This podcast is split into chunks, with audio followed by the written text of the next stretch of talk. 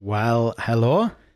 Noswaith dda. Helo, noswaith dda. Croeso i uh, drydydd. Trydydd, trydydd, tri, trydydd. penod tri. Trydedd. Trydydd penod o Seiat, y podlediad yeah. newydd. Sy'n uh, trafod popeth dan hael um, o brysbectif mena machreth. Nawr, um, Dwi'n... Um, so, o, oh, reit, da ni angen rhoi sŵn lawr. Dwi'n dwi, n, dwi n clywed y sŵn. Oce, okay, na ni. Um, so, o'n i'n um, croeso i'r sioe heno gyda llaw. Um, gobeithio bod chi wedi cael diwrnod braf. Um, dwi'n ymddeheiro bod ni yn hwyr yn dechrau heno. Um, mi oedd um, ein cyntaf anedig yn um, llawn egni heno, a gymerodd e fwy o, fwy o amser na'r arfer i setlo. Um, Unrhyw, unrhyw beth arall gyda ni ddweud ynglyn â'n diwrnod? O'n i wedi cael diwrnod neis. Um, fi wedi cael wythnos eitha da, actually. Mae wedi bod yn wythnos da, sut wythnos chi wedi cael? Wythnos, sawl wythnos ni ni mewn y lockdown nawr? Wel, heddiw oedd y seithfed sil, dwi'n gwybod hynny. Reit, ie. Yeah. Fel gweinidog, dwi'n cyfri y okay. yn wythnosau yn ôl y sil. Um, so, ie, oes wythnos saith wythnos o lockdown felly. Oes. Mae'n siŵr bod Neu, na. Neu ti'n dod lan i wyth wythnos, dwi'n yn siŵr. Ond mae'n... Mae nai bach i yn wyth wythnos ffori, a fi dal heb gyfarfod e. Fi'n rili really drist. Mae e lawr yn cwm gwendraeth. Ynddi. Um, so, ie, yeah, yn gobeithio yeah. gawn ni gyfarfod yn fian. Um, beth arall ni wedi bod yn neud wrthos yma? Wel, oedd pen blwydd fy mrawd heddiw. O oh, ie, yeah, pen blwydd hapus cynnan llwyd. Pen blwydd hapus cynnan llwyd. Sydd oh. um, wedi cael um, bywyd lliwgar iawn hyd yma, fel yn neud pob math o bethau. Nath e picio rhy gynnar, really. Artist hip-hop, byd enwog. Yn 16. Yn 16, wedyn, um, wedyn nath e ffansio hun fel ac academic, wedyn llenor, a nawr um, rhywun sy'n brwydro dros anghyfiawnder. Yn yw, i stopio anghyfiawnder. Dwi ddim brwydro am fwy o anghyfiawnder, yn amlwg. Um, Ie, yeah, bywyd a, cyflawn iawn wedyn ni. Yeah, a penblwydd mam hefyd wythnos yma. Um, penblwydd hapus. So, ie, yeah, eitha trist, really, achos da ni... Um, Da ni yn byw yn y gogledd yng Nghernarfon, ond mae'n teulu ni gyd y ddau ochr uh, rhan fwyaf, be bynnag yn y de. So, um, a fasa ni wedi gweld nhw o leia dros y pasg, os nad unwaith dwy weth tair gwell yn, yn y dau fus diwetha, ond da ni ddim wedi gallu o ganlyniad. So mae hwnna eitha trist. Ynddi mae, ie. Ond, um, ond yn gyffredinol, da ni yn neud yn iawn. Um, Dwi'n gweld uh, croeso i bawb sy'n gwrando heno. Um, so mae Stefan Morris yn dweud bod e'n setlo lawr gyda cwrw, Thomas Watkins bach. Uh, bach o fara a gwda, gawda, gawda, caws. Barod am seiat, gret. Wel, falle gan bod perffaith, Steffan wedi dechrau sôn fan yna ynglyn â bwyd, falle bod e yn amser i ni wneud y siow wythnosol ynglyn â beth sydd wedi bod yn digwydd yn yn cegin ni. Mae cegin ni ti cael wythnos really da, actually. Fi wedi wneud lot o bethau diddorol wythnos yma. Ti ddim rydyn ni'n sylwi, ond fi wedi wneud pasta. O'n i'n really impressed gyda'r saws pasta nes i wythnos yma. O, ti eisiau sôn, sôn, sôn am hwnna ta? Oedd yn llawn llysiau. Um, so, oedd yn dda i bawb. Um, a oedd e jyst yn really blasus. Nes i roi bach o siwgr mewn yn fe hefyd. Pam lai. Neis. Nice. Mm. Um, Well na do... CWR, o gatho ni um, cynio'r host CWR gyda bresych coch a cil. Oedd hwnna'n really nice hefyd.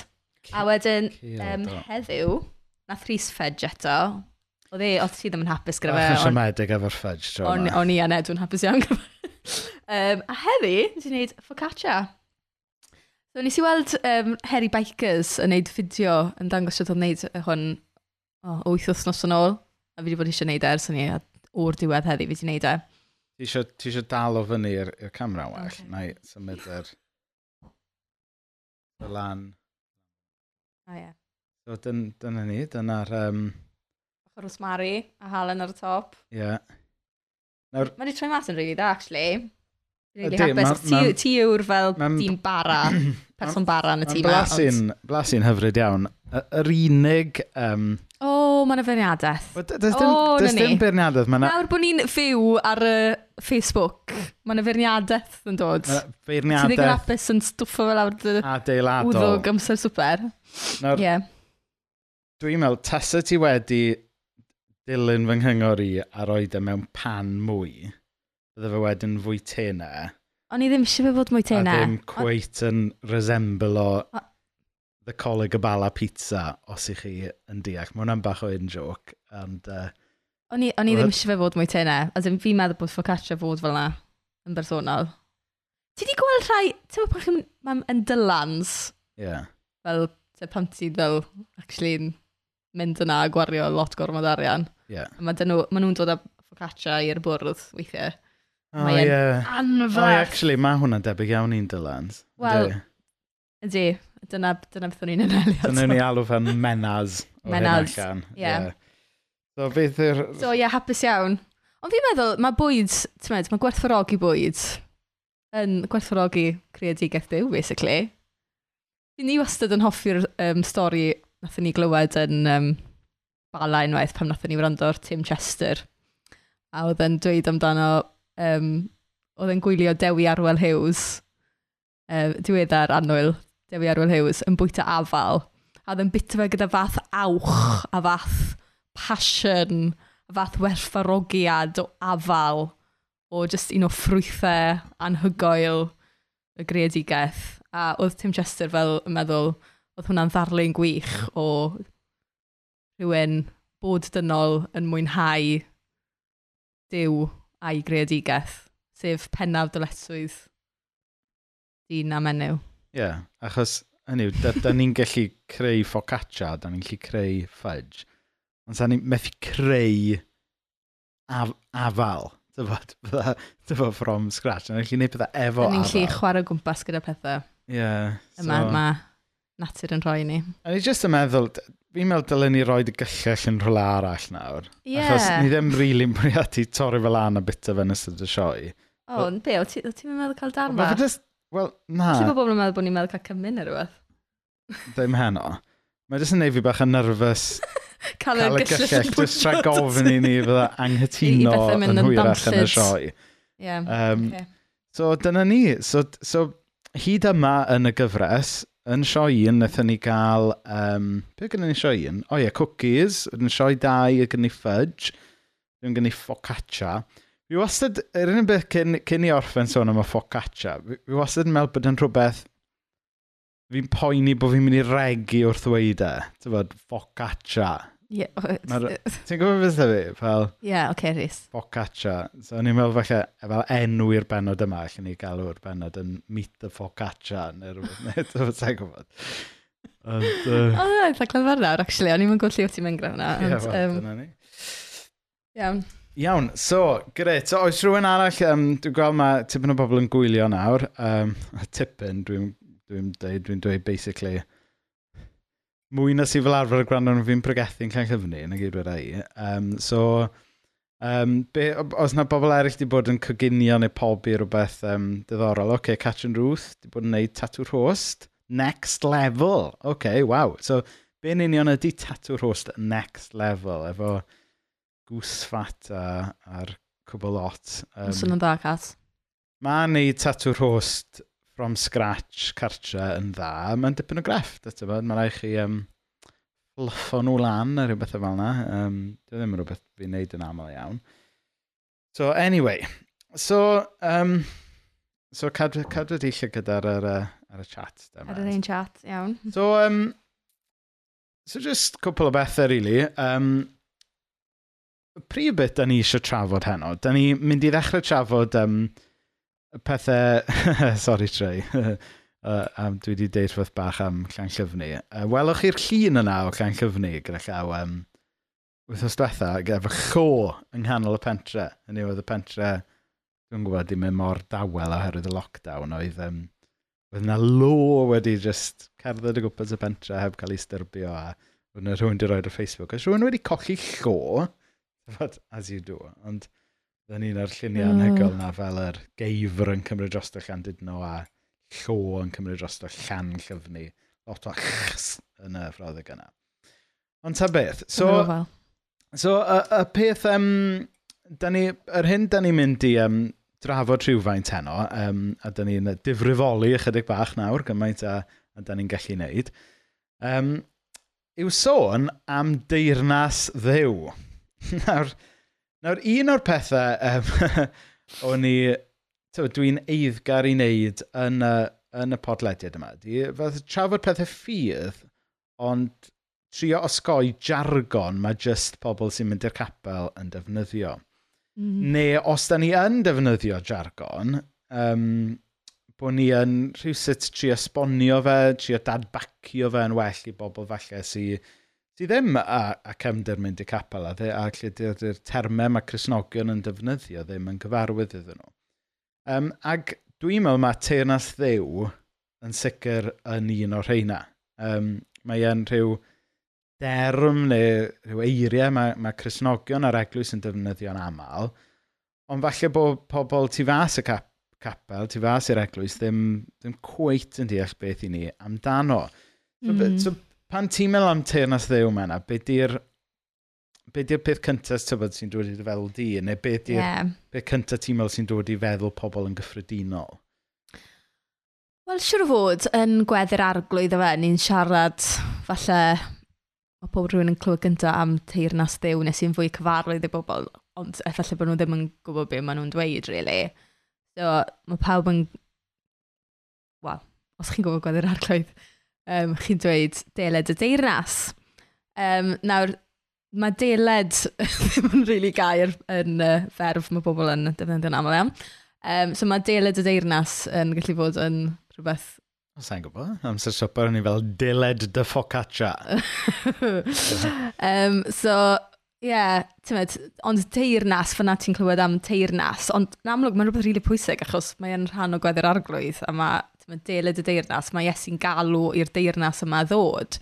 Um, a wedyn teirnas i fi, mae fe gyda connotations really negyddol, really. Ti'n meddwl syniad yma o deyrnas, achos ti'n meddwl am teirnas, wel ti'n meddwl am deyrnas gyfunol, ti'n meddwl am teirnasoedd y byd, fel teirnasoedd um, symbol o rym, o pobl yn falle yn creu teirnas mewn llefydd dyn nhw ddim fod i wneud hynna, neu mae teirnas yn gallu cael, wel, yn hanesyddol gyda syniadau eitha negatif rownd y fe.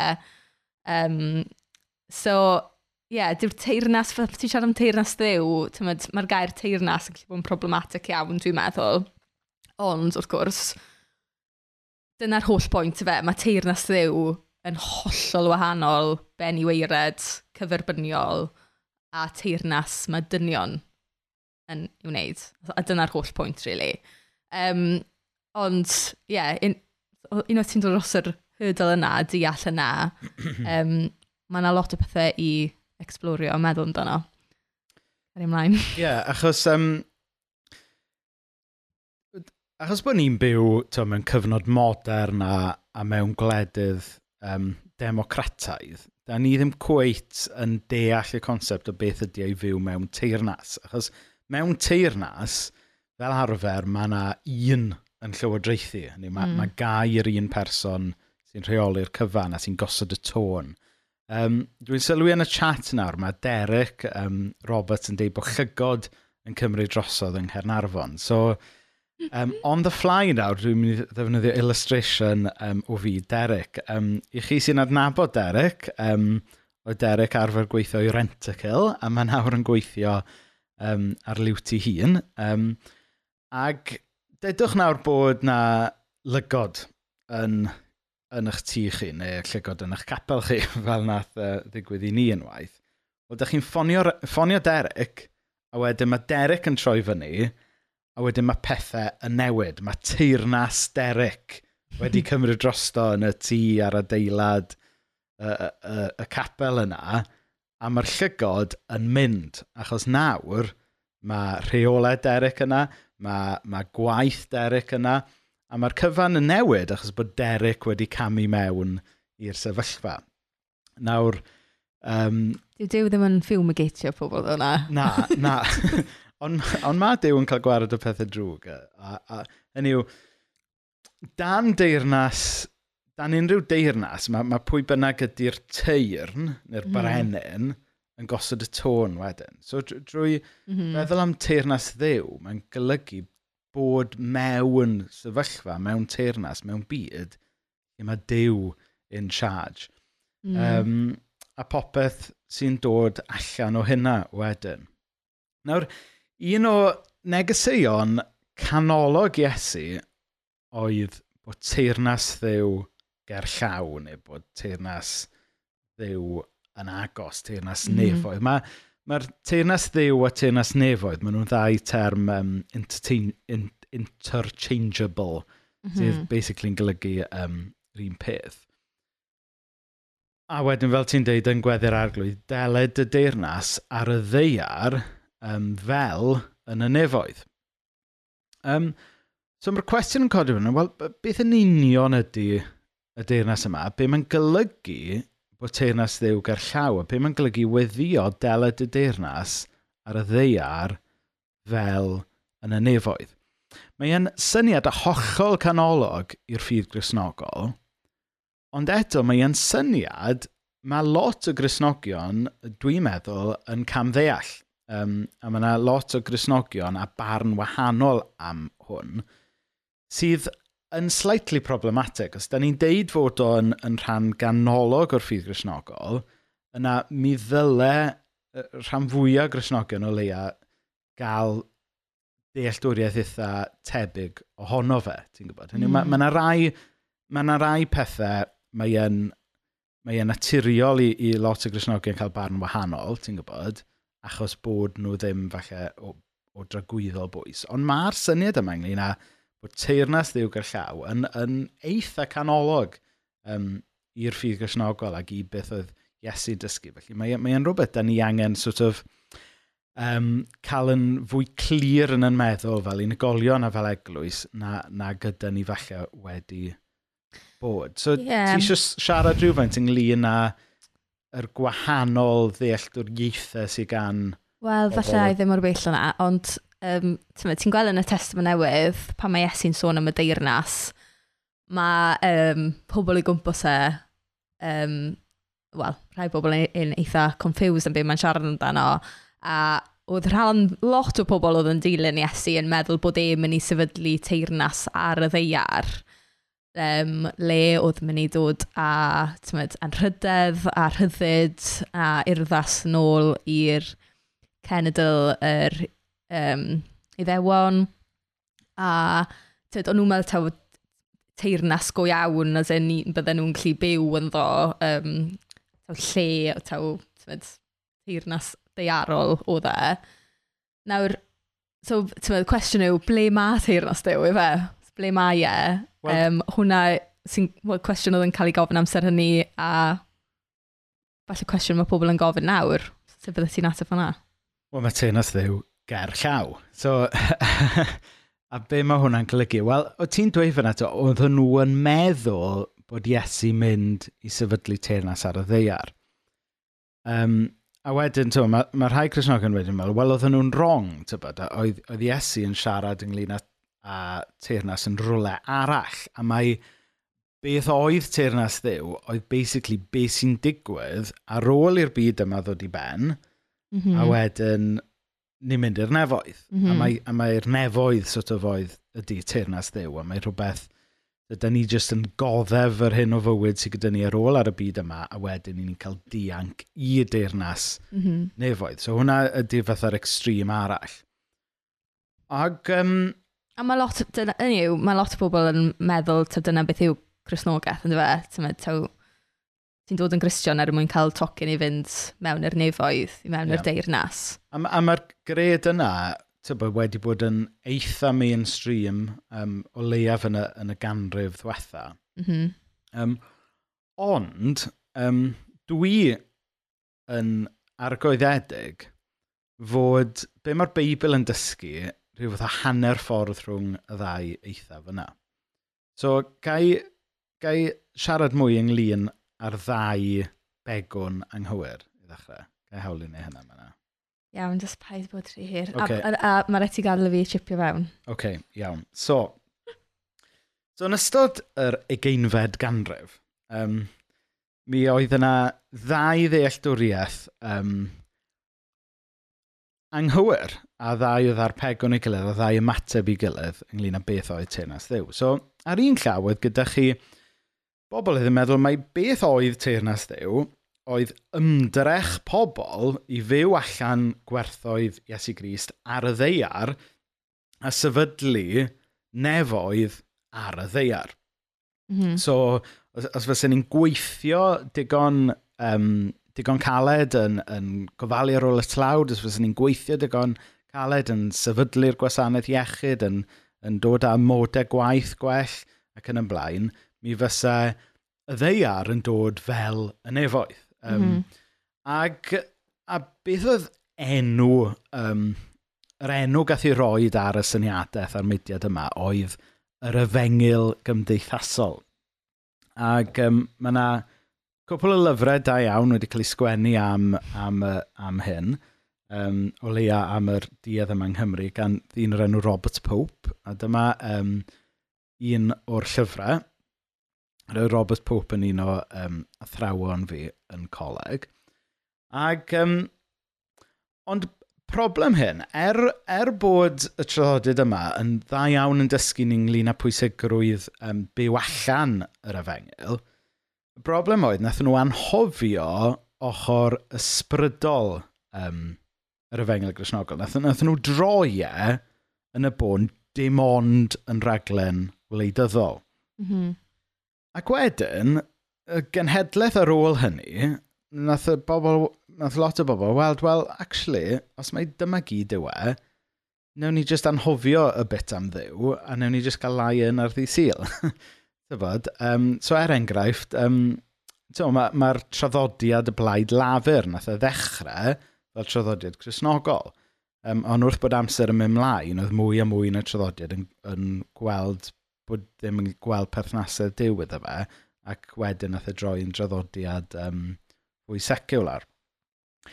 Nawr, fel ymateb i hynna wedyn, mm -hmm. mi nath Cresnogaeth, be maen nhw'n galw'n Cresnogaeth fwy efengylaidd, fynd hollol i'r pegon arall a dweud um, wel, tywa, mae'r ma ffydd grisnogol, e, dyw e ddim ynglyn â pethau'r byd yma, mae e ynglyn a cael heddwch efo Dyw i gael dianc o'r byd yma i fynd i nefoedd well ar ôl i ni farw. Um, ond dwi yn meddwl a dwi'n credu, erbyn hyn, erbyn yr unfed ganrif ar hugen, bod ni wedi gweld bod y ddau draddodiad yna mewn gwirionedd – yn gor ymateb i'w gilydd. Mm -hmm. A be mae'r Beibl actually yn dysgu ynglyn â teyrnas ddew yw bod teyrnas ddew ar rywydd eto i ddod yn llawn, ond eto mae e yn torri trwyddo yn y byd yma. A, a mae'r byd yma yn cael ei wneud y newydd.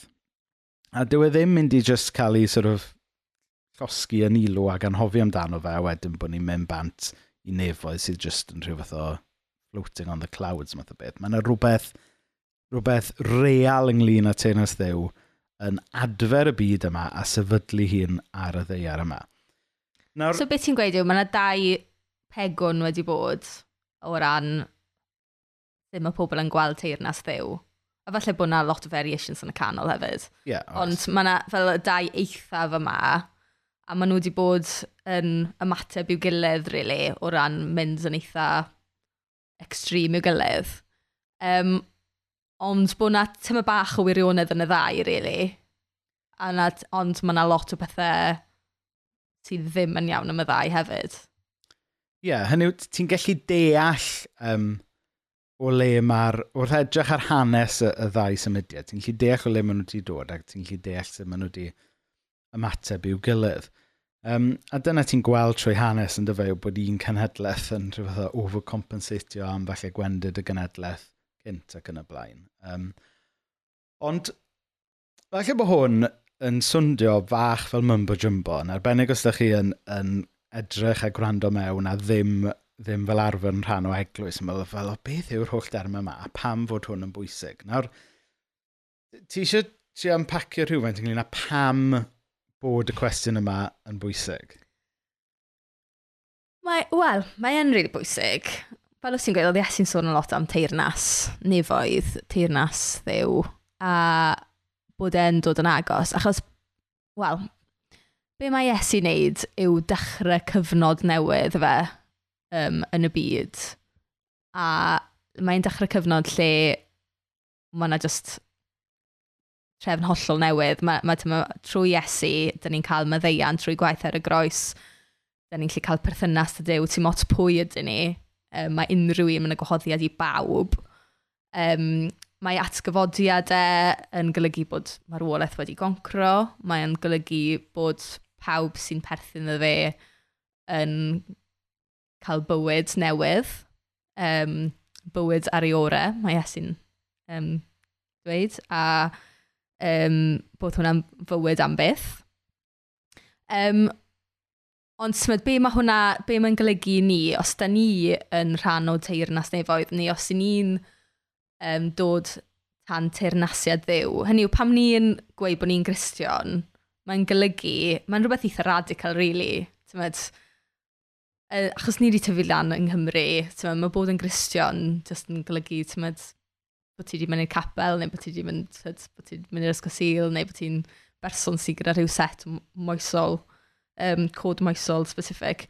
Ond, um, actually, ti'n mynd nôl i'r greiddiau, mae dweud bod ti'n Grisian rhywbeth radical, achos ti'n ti, ti gweud bod ti'n gwrthod byw dan rheolau, tan teirnasiad y byd sydd yn cwmpas ni, rhag, um, wel, yn oes y Beibl, tan teirnasiad Cesar um, tan teirnasiad, taimod, cyfalafiaeth, tan teirnasiad, Ren Hunaeth, Trump, bydd bynnag, ond ti'n byw tan teirnasiad Christ. Tawd, Christ yw arglwydd, dy arglwydd di, at bod ti'n byw yn ei deyrnas fe. Wel, mae hwnna'n rhywbeth rili really radical. A, am, amser y testament newydd, dyna beth oedd mor radical am Iesu'n dweud pethau fel, teir, am sôn am y deyrnas, achos y deyrnas oedd pawb arfer clywed amdano, oedd teirnas yr ymrodraeth rhyfeinig. A hwnna oedd y peth mwyaf pwerus, mwyaf grymus yn y byd. So oedd Iesu'n dod ben-ben gyda hynna. Iesu oedd yn marcho mewn i Jerusalem ar asyn. Um, so oedd e'n rhywbeth really radical a rhywbeth oedd yn gallu cael ti, wel, di la, di, wedi dyladd, achos oedd e'n controversial iawn bod ti'n gweud bod na rhywun yn mwy pwerus na Cesar. Um, ond yr un peth heddi, oce, okay, dyn ni'n diolch byth ddim yn gallu cael yn lladd am dweud bod ni'n gristion. Um, ond, actually, fel yn ysbrydol, o ran sut da ni'n byw, sut da ni'n ymddwyn, sut da ni'n ymwneud gyda pobl, dewisiadau da ni'n neud yn bywydau ni, um, yn, yn ysbrydol yn amlwg, mae ma dod tan teyrnasau Iesu yn golygu bod ti'n byw bywyd ti'n wahanol iawn falle i'r byd o dy gwmpas di.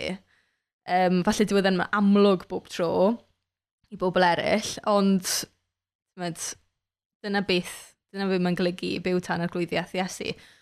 Um, yeah, so, na, fi ddim wedi ateb cwestiwn ti fyna, ond falle bod hwnna'n esbonio yeah. bach mwy Wel, mae, e- mae e'n galwad eitha radical. Ydy, os gai sort of yn pacio hwnna roed rhai enghreifftiau um, fwy sort of tangible i bobl. So, er enghraifft nawr, um, os wyt ti, iawn, yn dilyn Cresnogaeth sy'n dweud fod y byd yma i gyd mynd i losgi allan a dod i ben am byth, a mae yr end goal yw cael dianc oma ma i nefoedd arall – yna mae'r ffordd wyt ti'n mynd i fyw dy fywyd ar y ddeiar yma, mynd i edrych yn wahanol iawn wedyn i os wyt ti'n gristion sy'n meddwl bod beth da ni'n gweithio amdano yma actually yn cyfru yn rhagwyddoldeb.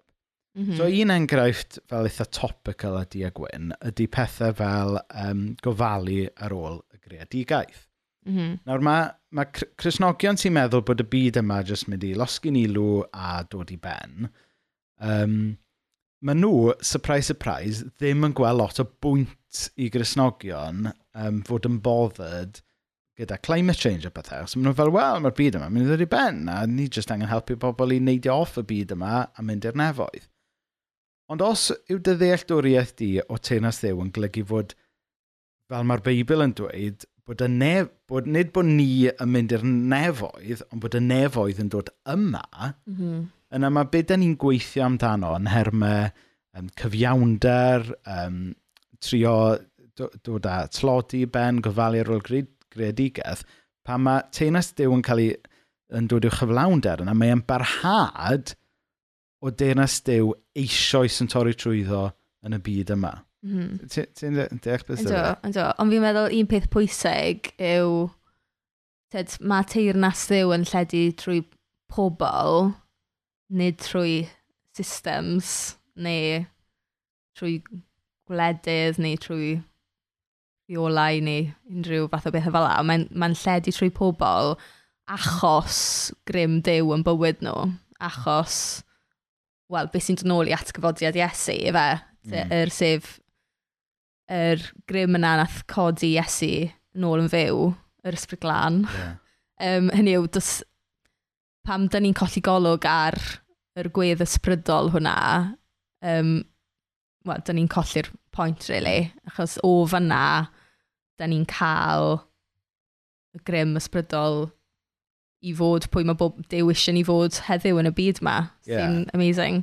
Ar, ar hynny yw, y ffordd ddelwedd sy'n cael ei ddefnyddio i esbonio sut mae approach teirnas ddew yn wahanol jyst i approach um, approach sort of fwy just dyneiddiol ydy um, bod, da ni ddim yn dweud da ni jyst yn tynnu cyrff allan o'r afon a tybo, os da ni'n gweld rhywun yn yr afon, da ni jyst yn tynnu cyrff allan o'r afon ond fel pobl ti'n ddew, da ni'n mynd upstream i weld beth sy'n taflu, pwy sy'n taflu nhw mewn yr afon i ddechrau.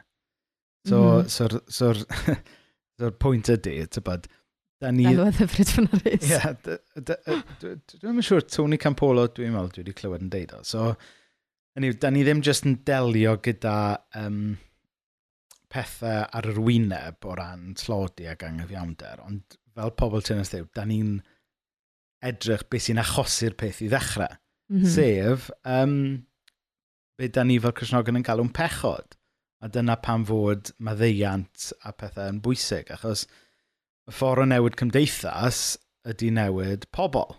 Um, yn, yn yw hyn a hyn o'r ffordd gall newid strwythurau a pethau wneud. Newid calonau pobl sydd, sydd yn newid stori go iawn. Ie, yeah, achos un peth nath wneud argraff yn y fi unwaith oedd, um, o'n i'n gweithio i um, Elisyn Tia Fund ar y pryd, a nath, nes i fynd i Llundain i gael rhyw pep talk. a um, nath y dyn yma oedd yn un o gyfarwyddwyr Tia Fund, a nath e weid rhywbeth nath um, neu fi feddwl lot, um, sef gweud, oedd yn siarad amdano pethau, os diw Iesu yn teirnasu dros rhywbeth, os chi'n rhoi Iesu'n frenin dros rhywbeth, mae'n gallu newid i fod yn, o fod yn rhywbeth drwg i fod yn rhywbeth da.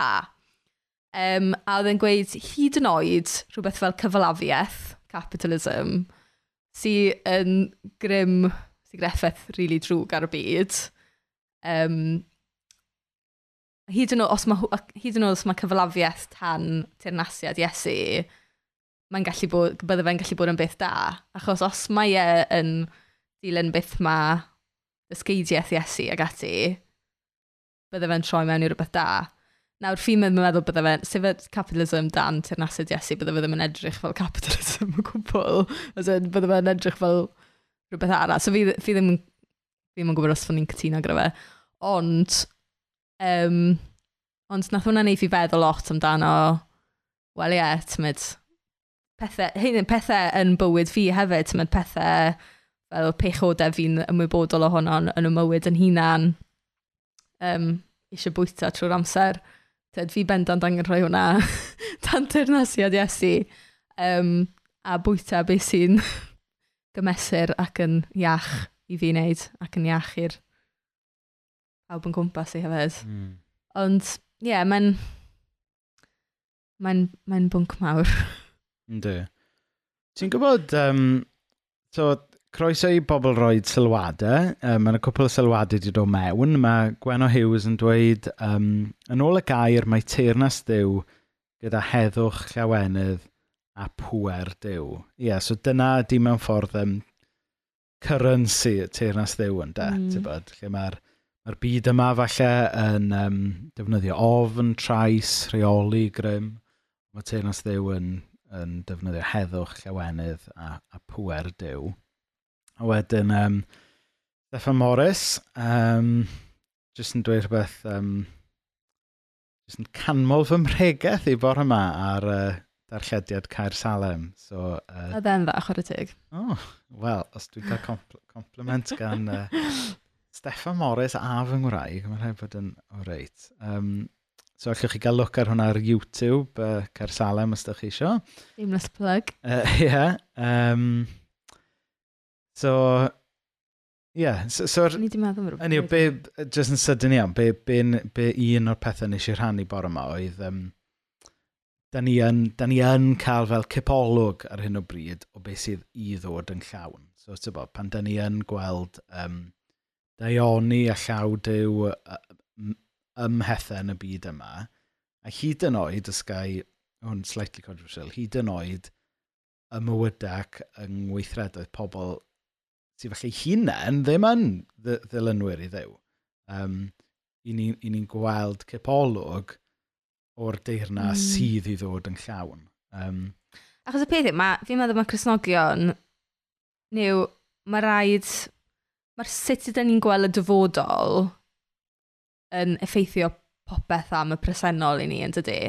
Mae gwybod lle dyn ni'n mynd. A mae fel, fi'n meddwl dyna lle ti'n gweld gwahaniaethau um, ymysg Cresnogion.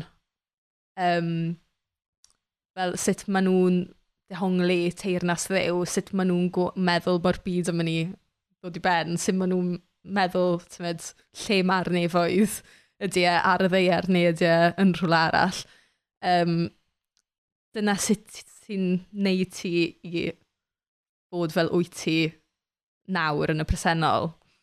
Um, so falle, tymod, broadly speaking, mae Cresnogion yn dilyn Iesu Grist ac tymod, yn credu yn farwolaethau a sgfodidau, generally speaking, ond mae yna lot o gwahaniaethau wedyn, a ti'n gweld yna, tymod, mae yna cyferbyniadau mawr, wel ti di sôn yn barod amdano sut mae um, lot o Cresnogion, stereotypically y Cresnogion yn yr un o dyleithau er enghraifft, yn gweld mae'r byd i gyd yn mynd i losgi, felly beth yw'r pwynt poeni am climate change. Dyma hwnna'n wahanol iawn i sut dyn ni'n gweld y byd um, climate change, achos dyn ni'n credu bod y byd yn rhodd gan ddew, a dyn ni'n meddwl bod dew yn mynd i adfer y byd yma.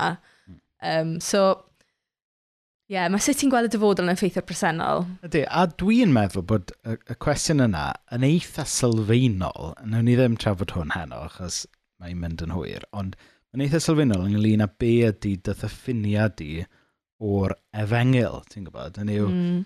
yn yw os, to, bydda rhai pobl yn dweud, o to, yr efengil ydy um, cyffesu dy bychodau, derbyn maddeiant er mwyn cael mynd i'r nefoedd ar ôl marw. Mm. A, a to, dyna ydy yr efengil. Ond pan i fi'n darllen y Beibl, fi'n gweld yr efengil lot mwy na hynna. Mae wrth gwrs yn cynnwys maddeiant pechodau, ond yr efengil ydy bod Dyw yn addo adfer popeth. Mm -hmm. A, a, a mae'r elfen maddeiant pechodau ydy sut da ni fel unigolion yn cael yn gwahodd i fod yn rhan o'r o'r rhywbeth mwy yna. O'r adfer mawr mae Dyw yn neud. Ie, yeah, o'r adferiad mawr mae Dyw yn y busnes yn neud. Yeah. Um, so, dwi'n meddwl um, bod... Ond ie, yeah, fi'n credu... Mae nid ni'n gallu gwahanu fi'n meddwl unigolyn a cymdeithas yn aml iawn dyn ni fel Cresnogion. Hynny yw pethau mae unigolyn a'r mae'r eglwys yr, tymed, y rheolau fel moesoldeb o pobl yn rhoi'r unigolyn, ond falle ddim yn rhoi digon o sylw i'r fel sut mae'r unigolyn na'n interactio gyda'r byd o'i gwmpas. Mae hwnna'n i wneud gyda fe hefyd. Tymed, falle yn rhy aml, dyn ni wedi gweld Cresnogion yn meddwl bod nhw yn, tymed, achos bod nhw'n rhan o teirnas dew, bod hwnna jyst yn edrych fel nhw'n mynd, jyst mynd i'r capel ar disil, nhw jyst yn gweddio, nhw jyst yn darllen y Beibl. Ond actually, falle, tymed, yn ystod yr wythnos, maen nhw'n neud job sy'n dod â lot o niwed i bobl, neu falle bod nhw'n byw mewn ffordd sy'n dampio ar draed pobl eraill. Ti'n mynd i'n meddwl, as in, falle, ie, yeah, chi'n ffeindio enghreifftiau eich hunain, ond ti'n meddwl, mae yna gormod o fel binaries, basically, mae yna gormod o fel wal, ie. Yeah. Mm. Gwbeth chi'n meddwl. Ydw, dwi'n meddwl bod ni wedi cyffwrdd ar rhywbeth falle dylwn ni ddod nôl ato mewn rhyw benod arall. arall. Yn fwy, um, So dwi'n meddwl, da ni wedi rhoi digon o gig i chi am heno. Um, so gobeithio bod, bod y drafodaeth yna ynglyn â tenas ddew wedi bod yn ddefnyddiol. Um, so, cym, cym bod ni'n... cym bod ni'n symud ymlaen, um, na i just sôn, um, mae hwn yn cael ei recordio ar hyn o bryd a mae fe ar gael fel, um, fel podcast. Um, so, i, i, i gael at y podcast, chi jyst yn mynd i seiat.net. So, da ni wedi cyfrestru domain wrthos yma, seiat.net, tybod. Mae, mae yn mae yn eitha fel, tyw, fel rhywbeth chrysnogol Cymraeg.net, yw e, tyfod, fel Lidl.net, Seiat.net, Christian.net. All about the net. um, wedyn... Um, Nôl at fwyd, nawr. Ie, yeah, so, so, so, so os chi'n mynd i Seiat.net, okay. mae hwnna'n mynd â chi, mynd â chi'r wefan le ydych chi'n lli um, gwrando a downloadio'r podcast. Da ni hefyd ar Apple Podcast. Um, diolch i'r bobl sydd wedi reviewio. Mae hwn yn screenshot o wythnos diwetha. So, dwi'n meddwl bod ni wedi cael tri 5-star review nawr. A un ohonyn nhw ydi fi. a ni'n fel ta, get the ball rolling. Um, a dwi, dwi'n dwi meddwl mai mae treu chwarae teg sydd wedi wneud un o reviews eraill. So, um, So, ie, yeah, rowch review i ni a, a seinwch lan. Dwi hefyd wedi dechrau'r broses o, um, o cofrestru efo Spotify. So, os ydych chi'n cael eich podcast trwy Spotify, um, byddwn ni ar uh, hwnna cyn bod hir hefyd. Trei'n gofyn pam ddim seiat.cymru. Um, na weithio ti pam, achos mae'r ma, r, ma r gwefan fi'n defnyddio fel hosting ddim yn cynnig .cymru a oedd yna ormod o ffaff gael yr domain efo cwmni gwahanol. So, dyna ni. Wedyn, gan bod domain gyda ni, mae cyfeiriad e-bost efo ni hefyd, sef post at seiat.net. Post at seiat.net. Mae hynny gyd yn newyddion i fi gyda llaw. yeah. So, os oes gyda chi unrhyw gwestiwn, falle newn ni wneud um, Q&As weithiau. So, os gyda chi unrhyw gwestiwn ynglyn â, a ffydd, ynglyn â diwylliant, ynglyn â gwleidyddiaeth, ynglyn â coginio rhywbeth, um, e-bostiwch ni, a falle os oes digon o gwestiynau yn dod mewn, um, newn, ni, newn ni wneud um, rhifyn um, Q&A rhywbryd. Um, a wedyn, sgan ni'n rhywbeth arall i ddweud? Oedden ni'n mynd i sôn am dweud? fwyd eto cyn gorffen. Oce, okay, ie. Yeah. Um, Wel, mae ma, disadwn nesaf byddwn ni'n rili really drist, achos oedd e fod yn gwyl fwydd Cynarfon disadwn nesaf. So, sef un o uchafbwyntiau y flwyddyn yma yng Nghanarfon. Nid yna rheswm arall, mae bwyd ar y meddyliau ni. Um, a dyn ni'n caru'r diwrnod yna. Mae Cynarfon ar ei orau, a mae'n ffantastig, a mae'r trefnwyr yn ei job anhygoel. Um, yeah. a mae well, ma bwyd yn rhan rili really pwysig o'r Beibl hefyd, fi'n meddwl. As in, oedd Iesu basically yn mynd rownd tai pobl yn cael bwyd, yn doedd? So, mae hwnna'n ie, yeah, mae'n digon y reswm i ni um, mynd i tai'n gilydd pam gewn ni eto a mm. mwynhau pryd o fwyd gyda'n gilydd pryd bynnag fydd hwnna yn y dyfodol agos gobeithio. Ond ie, yeah, mae ma dechrau'r tymor na nawr le mae yna stwff o fod digwydd pethau ti'n edrych mlaen ato, ond maen nhw wedi cael eu canslo. Um, gwyl fwyd di sadwr nesaf, mynd i fod yn dod yn mm. poenus yn Gynarfon, dwi'n meddwl. Um, Just yr, ni, wedi cael trefn rili really da ar diwrnod y gwyl fwyd, do, dwy flynedd diwetha. Mae gen ni patrwm bach, strategy, achos mae'n gallu bod yn brysur iawn yn dre. So basically, ti'n mynd mm. really gynnar yn y bore i fynd rownd y stand yna. Mm. Ti'n dod adre, cael fel mesau bach adre, mm -hmm. gyda pethau ti wedi prynu yn ystod yna. Mm -hmm. Wedyn, ar ôl cynio, ti'n mynd nôl awr na, mm -hmm. just i, fel mae Mana'n dweud, larjoi. Larjoi. So just Just cael... Joio, mynd ar castell, gwrando'r cerddoriaeth fyw, mwynhau. Bob, bob yn ail gam ti'n stopio siarad gyda rhywun, achos mae'n lle mor pac, mae pawb ti'n nabod yna. So, ond mae'n lot o hwyl. Cael crempog, rhaid i cael crempog. Ond yn anffodus, bydd dim... Uh, bydd na, fydd e'n drist, fydd e'n drist. So, Dyn ni'n neud gwyl fwyd yn hun yn adre. Ie, yeah, so Catrin Hampton yn gofyn, bydde fe'n cwl cool clywed pa lyfrau chi'n darllen ar hyn o bryd. So, um, ti eisiau dweud pa lyfr ti'n darllen ar hyn o bryd? Nid ddim actually trafod e nawr, ond... Uh, be, llyfr Cresnogol neu llyfr... Na, na ti'n eisiau bod nofel. mor fel... Ti'n eisiau rhoi popeth mewn bocs, ma na. Dyna hoch bwynt y podcast na. Na, fi'n gwybod, ond oedd Catrin yn sôn amdano... Um, yeah, pwnc ni'n sôn am. Um, Wel na, fi ddim yn um, fi'n fi, fi, darllen um, Mirror and the Light Hilary Mantel ar hyn o bryd. Lyfr olaw trioleg am Thomas Cromwell gan Hilary Mantel. Yr ddau cyntaf di ennill Booker Prize y ddau flwyddyn. Da iawn. Neu'n cyhoeddi, so mae'r trydydd un, mae fe'n 800 a hanner tudalennau. A fi dim ond yn cael hanner awr bod prynawn di llun i ddarllen e, so mae'n mynd i gymryd spel. Wel na, wrth oswetha fi wedi bod gyda'r nos, fi wedi bod yn gwylio normal people fel lot o bobl arall fi ar ddeall. Um, ond fi ar penod ola hwnna nawr, so bydd right. fwy amser gyda fi gyda'r nos. Ie, yeah. a wedyn, um, yeah. a bo'n holl onest, dwi ddim yn darllen unrhyw lyfr ar hyn o bryd. Dwi ddim, un o'r, un o'r pethau diw lot o bobl ddim yn deall dan o fi, dwi ddim actually yn darllen lot. Dwi'n rhyw fath o... Dwi'n skim, dwi'n skim readio a dwi'n sort of darllen pethau dwi'n gorfod darllen i paratoi stwff ar gyfer capel a stwff. A... Pethau ti'n gorfod darllen. Wel na, na, ti'n gwybod beth i'n meddwl. Fatha, oh. Ond, um, newydd chi, un llyfr dwi newydd brynu ydy, hold on.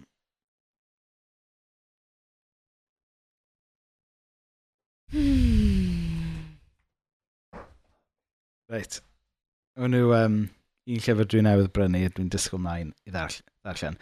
Nes i, nes i brynu fe ar gyfer mynd i Ffrainc gyda ni. Um, oedden ni fod mynd i Ffrainc ar yn gwyliau mewn pethefnos, um, ond yn amlwg da ni ddim yn mynd i Ffrainc achos, achos yr coronavirus, ond dwi'n gobeithio na i dal cael y amser i ddarllen hwn dros um, yr wythnosau nesaf.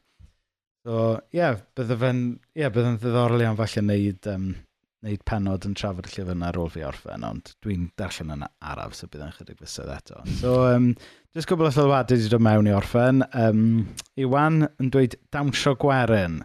So, dwi'n meddwl bod fi'n cael flashback o weld Iwan yn dawnsio gwerin yn oh, yr wyl yeah! fwyd. So, Ie, yeah, chi'n neud dawnsio gwerin yn yr wyl fwyd. Ie, yeah, tyfod, oh. yn naturiol, beth yw, pan, pan ti'n meddwl am fwyd, beth, beth cyntaf sy'n dod i meddwl ti? Dawnsio gwerin. A wedyn, Sean Morris, mae'n wyl fwyd bob dydd yn tŷ ni. Wel, Falch i glywed, Sean. mae e, mae'n teimlo A fan fy- a fan hyn hefyd. Yn tŷ, ni, ie. Felly, dwi'n meddwl bod ni wedi gorffen am heno. Yn Yndan. Um, diolch fawr iawn i bawb sydd wedi gwylio a gwrando eto wythnos yma. Um, dwi yn y broses ar hyn o bryd o, o drio gweithio'r tech allan o sut da ni'n gallu cael fel gwestai i ymuno ar sioe dros Skype neu Zoom neu rhywbeth. Um, mm.